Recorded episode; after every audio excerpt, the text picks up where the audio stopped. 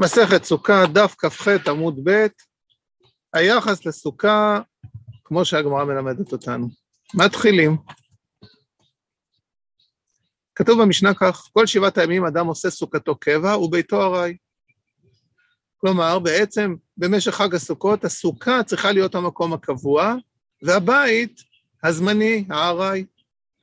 אבל יש חריג, ירדו גשמים, אז כבר הוא לא יכול לשבת בסוכה, ממתי מותר לפנות? משתסרח המקפא, כלומר שהמקפא, שזה סוג של אוכל, יתקלקל, אז מותר לפנות את הסוכה.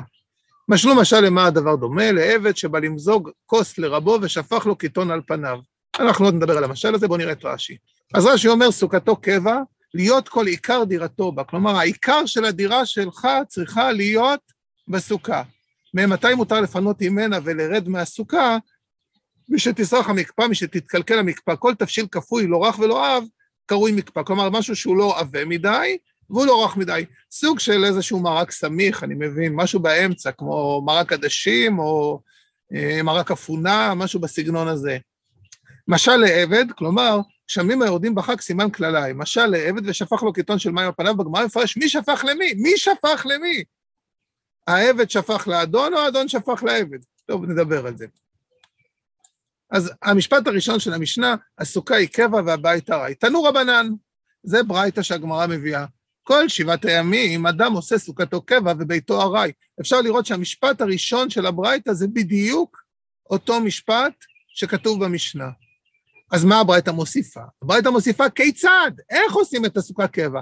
היו לו כלים נעים, מעלן הסוכה. כלומר, אתה לא שם בסוכה את הכלים החד פעמיים, או הכלים שאתה לא אוהב, הפוך, את הכלים היפים תשים בסוכה. מצעות נאות? מעלן לסוכה. מצעות כמובן זה כי יושן בסוכה, אז הוא צריך סדינים יפים לשים אותם בסוכה. פה מדובר על סוכה גדולה, כמובן שאפשר להשאיר בה את האמיתות ואת הסדינים. אוכל ושותה ומטייל בסוכה. אתם מבינים שמדובר פה על סוכה די גדולה, שאפשר אפילו לטייל בה. מנהל אמילי, שואלת הגמרא, מאיפה הדברים האלו? כלומר, מה המקור לעניין הזה שאדם צריך לעשות את הסוכה קבע וביתו ארעי? מאיפה זה כתוב?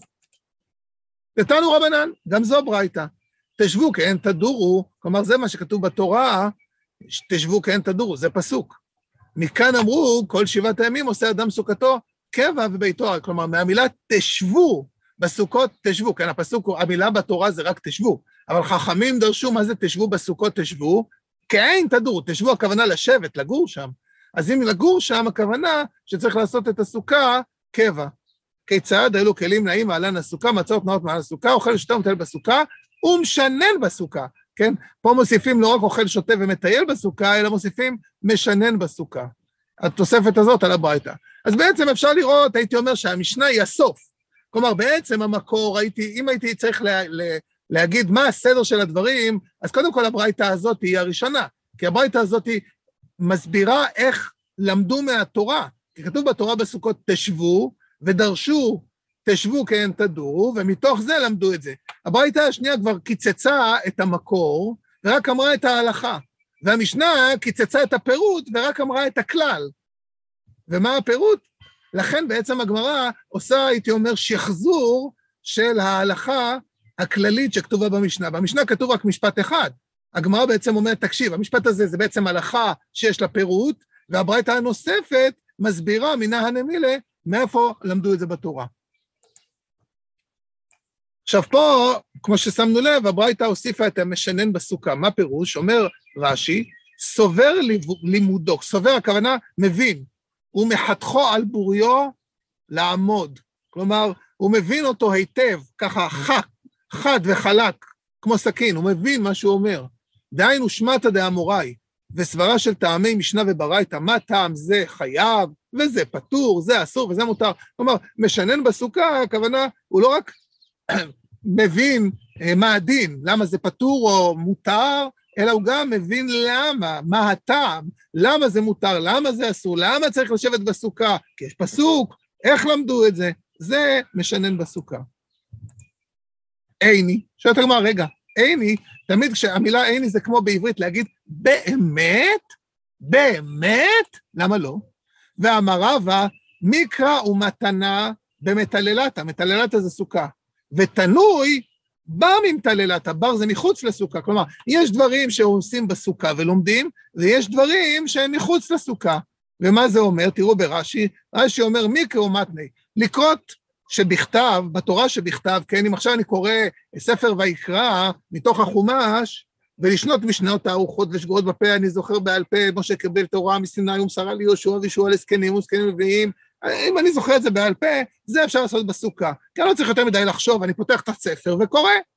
אבל תנויה, בר ממטללתה. מה זה תנויה? התלמוד, דהו סברה, לטרוח ולשנן. כלומר, ההיגיון, לחזור, זה תעשה מחוץ לסוכה. כי זה אתה לא יכול להתרכז בסוכה. וכן שמעת אדם הוריי, שאינם באות אלא מכלל דקדוקים, שהם למדים מתוך דברי משנה, דמדם ומילתא למילתא, כן, הם מדמים דבר לדבר, זה דומה לזה וזה דומה לזה, זה כל מיני דברים שצריך להפעיל את השכל, צריך לחשוב בהם. אז רבא אומר שדברים כאלו תנויי חוץ מהסוכה, צריך לצאת מהסוכה, כי בסוכה אתה לא תהיה מרוכז. באו עם תלת אם ירצה דמצטער, ומצטער פטור מן הסוכה, והאוויר יפה לו להרחיב דעתו. כלומר, יותר טוב שתשב בחוץ, תהנה מהאוויר, כמו שעכשיו אני פה בחוץ, זה הכסל כדעתי, תנוי היינו משנן. אז פה כתוב שמשנן בסוכה.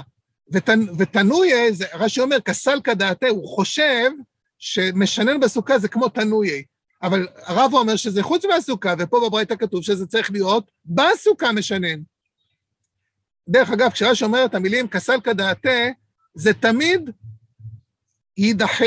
כלומר, רש"י אומר, עכשיו הוא חושב, עולה על דעתו, בהמשך נגיד שזה לא נכון, זה לא אותו דבר. כלומר, כבר רש"י מוליך אותנו לפתרון של הגמרא, שהמילים משנן בסוכה זה לא תנויי.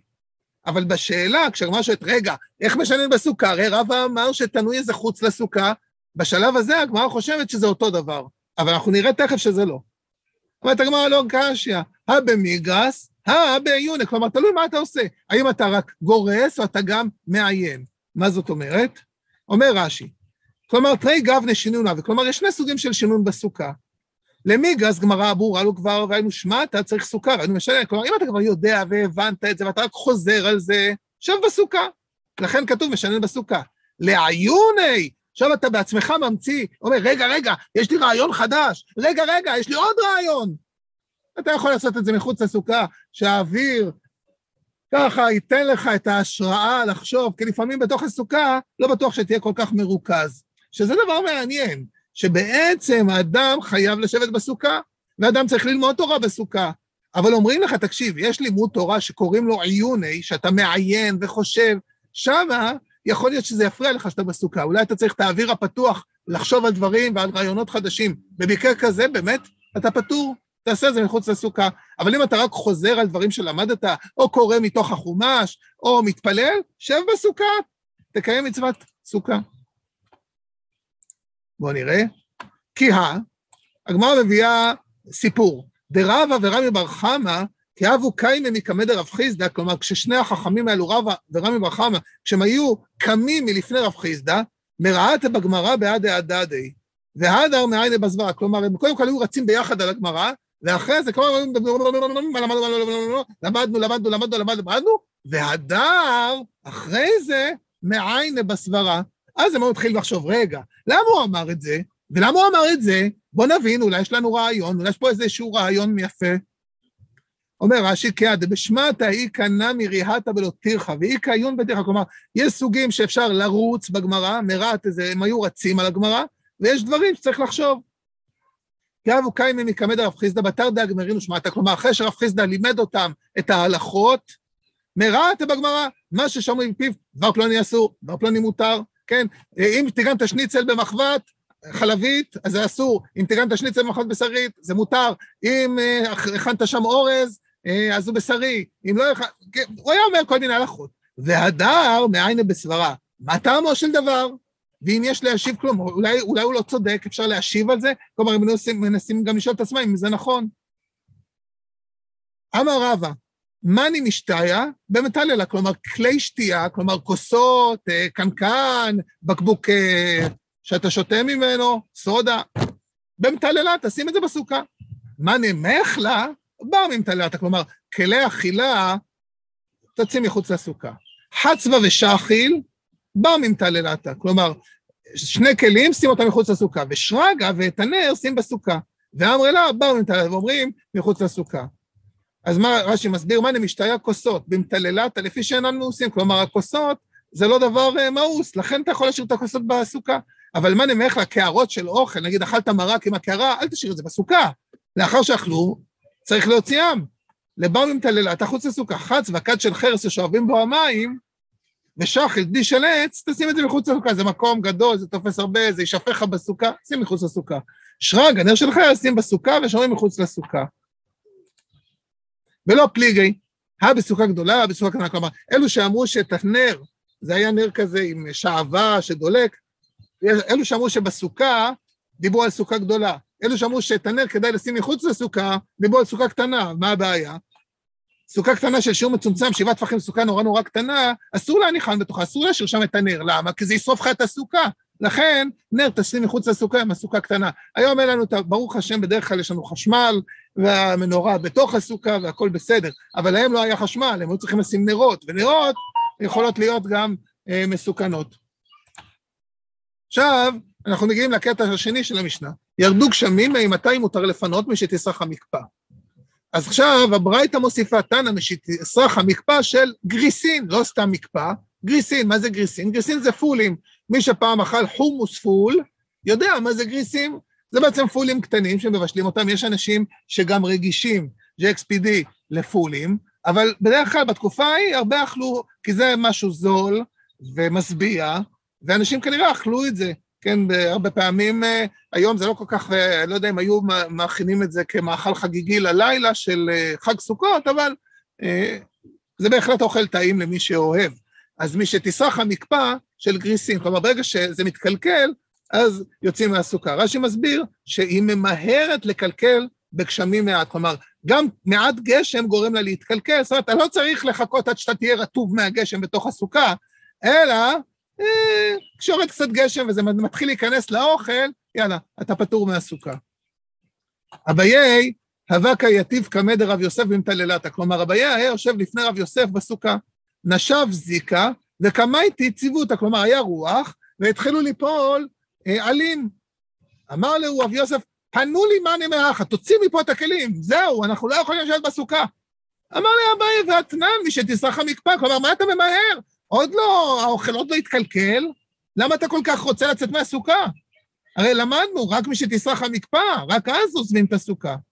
אמר לי, לדידי, עבורי, כיוון דאנינא דעתי, כלומר דעתי ענינה, כמי שתסרח המקפא דמילי. מבחינתי כבר התקלקל המקפא, אפילו שעוד לא התקלקל. כלומר, אני לא יכול לסבול את זה שנופלים עליי אה, עלים, זה, זה מטרף אותי, אני לא מסוגל, לכן אני פטור מהסוכה. זאת אומרת, אדם, בעצם פה אנחנו מבינים את השורש, למה כשיורד גשם ונכנס לאוכל אתה פטור? כי אתה מצטער, התורה רוצה שבחג הסוכות נהיה שמחים, ושמחת בחגיך, ולא שתצטער.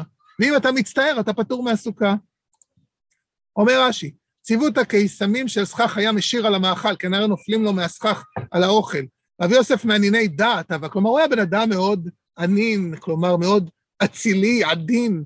ניתן פרק בפסחים, שלושה חיים אינם חיים, הרחמנים, החיים שלהם לא חיים, הוא כל הזמן מרחם, גם כשלא צריך, והרתחנים, מי שמתעצבן, ועניני הדעת, שאינם יכולים לסבול שום דבר מיוס. ואמר רבי יוסף, כולם יתנאו בי, אני כולם, אני גם רחמן, גם עצבני, וגם ענין דעת.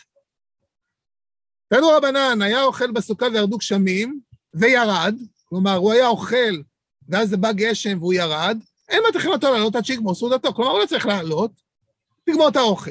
היה ישן תחת הסוכה וירדו גשמים, כלומר, זה מקרה אחר, לא אוכל אלא ישן, וירד, אין מטריחים אותו לעלות עד שיהיה אור, כלומר, הוא ישן בלילה, ולא מטריחים אותו לעלות עד שיהיה אור, כלומר, עד שיבוא היום. אומר רש"י, וירדו גשמים, וירד מן הסוכה לגמור סעודתו בבית, זה המקרה הראשון. וכשישב לו, פסקו גשמים, כלומר, הוא התיישב בבית, הפסיק הגשם. אין מטריחין אותו להפסיק ולעלות עד שיגמור. כלומר, אתה לא צריך לחזור בחזרה עכשיו עם האוכל, תגמור לאכול בבית, כי בעצם אתה פטור, ואחרי שתגמור את הסעודה והגשם נפסק, אז אתה חוזר לסוכה. היא באה אלוהו עד שיהיה אור, או עד שיהיה אור. מה זאת אומרת? מה ההבדל? יעור, הכוונה תתעורר. כלומר, הוא הולך לישון, נגיד ירד גשם, הוא ישן בסוכה, עכשיו הוא יצא מהסוכה, אם אומרים עד שיעור, עכשיו הוא יכול להתעורר רק בתשע בבוקר, אז רק בתשע בבוקר הוא חוזר לסוכה. אבל אם אומרים עד שיעור, האור מגיע בחמש בבוקר, אז כבר בחמש בבוקר הוא צריך לשים שעון מעורר, ובחמש בבוקר, כשיש קצת אור, לחזור לסוכה. אז הכוונה, האם מסתכלים על האור מבחוץ, או מסתכלים על הבן אדם שמתעורר? אז זה מה שהשיר מסביר, עד שיעור עד שעל עמוד השחר, או עד שיעור משנתו. האם הקיץ אפילו בחצי הלילה יקום משנתו ויעלה ושם לסוכה, השם גם לכיוון ההפוך. אם נגיד התעוררת בשתיים בלילה, עוד לא אור, אבל כבר התעוררת, אז גם תחזור לסוכה. תשמע, עד שיהיה אור ויעלה עמוד השחר, כלומר עם א', תחכה שיהיה אור ותחזור לסוכה. אומר רש"י, ועל כוחך עד שיהיה אור הוא דתניא בא. ואם לא כן, מאי ויעלה עמוד השחר? תרתי, בטמא, שני דברים אלו סותרים זה את זה. אה, סליחה. אז בהתחלה אומרים עד שיהיה אור ויעלה עמוד השחר. אז מה זה, אם יהיה אור, הכוונה שעל עמוד השחר, למה כתוב שיהיה אור ויעלה עמוד השחר? כי זה לכאורה אותו דבר. תשמע, עד שיאור ויעלה עמוד השחר. מה זאת אומרת? כתוב פה יאור, כאילו שיהיה א', ויעלה עמוד השחר. זה נשמע אותו דבר, לא? אז רש"י אומר, לא. אם אומרים יאור, יאור, הכוונה יאור. על כוחך עד שיאור הוא דתניא בה. ואם לא כן, מהי ויעלה עמוד השחר? כלומר, צריך שהוא יתעורר ויעלה עמוד השחר. כי אם, אם הכוונה היא רק שיהיה אור, היה צריך להיות עד שיהיה אור, או עד שיעלה עמוד השחר. למה כתוב את שניהם? אלא סימן שצריך להתעורר. אומרת הגמרא, רגע, תרתי, בתמיהה שני דברים סותרים זה את זה.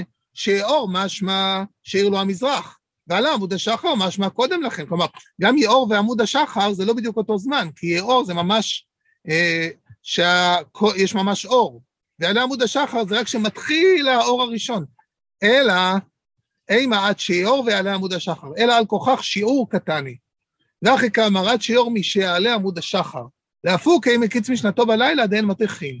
ואם עלה השחר ולא נער, אין מקיצין אותו. כלומר, צריך שגם הוא יתעורר וגם שעל עמוד השחר. כלומר, אם אדם מתעורר באמצע הלילה, עוד לא עלה עמוד השחר, תחזור לישון בבית, כי ירד גשם, אתה פטור. אם עלה עמוד השחר ואתה עדיין ישן, תמשיך לישון. אם התעוררת וגם עלה עמוד השחר, לך לסוכה, אם נגמר הגשם. ובזה אנחנו סיימנו את הלימוד שלנו.